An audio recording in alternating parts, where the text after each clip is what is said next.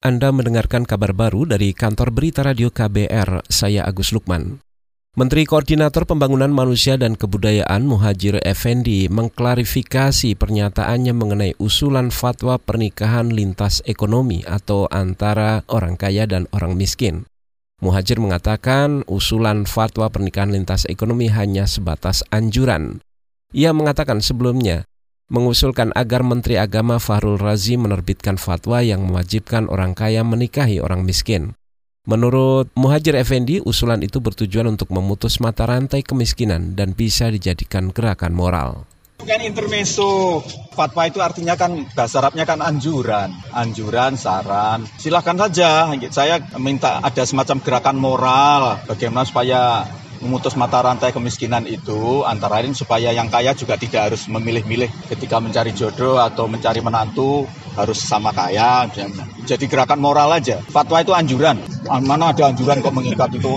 Cuman jangan diplesetkan terus Allah jadi wajib. Menteri Koordinator Bidang Pembangunan Manusia dan Kebudayaan Muhajir Effendi memastikan usulan itu hanya sebatas masukan, sedangkan keputusan akhir merupakan kewenangan Menteri Agama. Komisi Pemberantasan Korupsi KPK akan kembali memanggil bekas Wakil Gubernur Banten Rano Karno ke persidangan tindak pidana korupsi KPK Jakarta. Rano Karno akan diperiksa terkait sidang kasus suap pengadaan alat kesehatan di Banten dengan terdakwa Tubagus Khairi Wardana alias Wawan. Selama sidang Rano Karno disebut-sebut menerima uang satu setengah miliar rupiah dari bekas pegawai Wawan.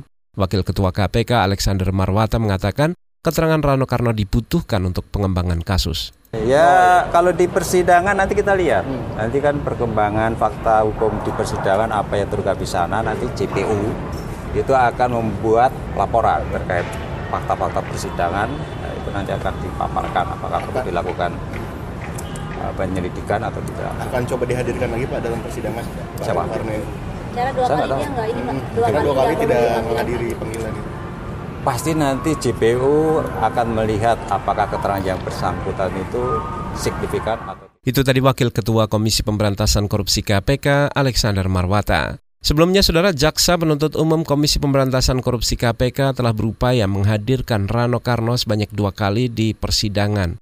Namun politikus PD Perjuangan itu mangkir dari panggilan. Dalam dakwaan Wawan, Rano Karno disebut menikmati suap 700 juta rupiah dalam korupsi pengadaan alat kesehatan di Provinsi Banten. Beralih ke informasi hukum, Satgas Anti Mafia Bola di Mabes Polri akan mengawasi kompetisi Liga 1 yang akan digelar 29 Februari hingga 31 Oktober mendatang. Kepala Satgas Anti Mafia Bola Mabes Polri, Hendro Pandowo mengatakan, pencegahan dan pengawasan akan gencar dilakukan guna mencegah praktek pengaturan skor. Satgas juga mengawasi potensi pengaturan skor yang dilakukan bandar judi mancanegara seperti Singapura, Vietnam, dan Malaysia. Tentunya keberadaan Satgas ini jangan sampai kontraproduktif. Kemudian bukan rasa takut, rasa cemas, baik itu wasit, pemain, manajer klub, sehingga akhirnya dia tidak bisa maju. Tapi justru keberadaan Satgas ini mendorong mereka untuk berprestasi. Untuk itu harapan kita, marilah kita semua berkomitmen, jangan sampai ke depan ada pengaturan skor, ada suap, ada kepentingan, ada pesanan dan sebagainya sehingga membuat sepak bola kita semakin mundur. Ketua Satgas Anti Mafia Bola di Mabes Polri, Hendro Pandowo mengatakan tidak akan segan melakukan penindakan meski fokus kali ini lebih pada pencegahan. Satgas Anti Mafia Bola sebelumnya telah memproses lima kasus pengaturan skor dan menetapkan 18 orang sebagai tersangka. Demikian saudara kabar baru dari KBR, saya Agus Lukman.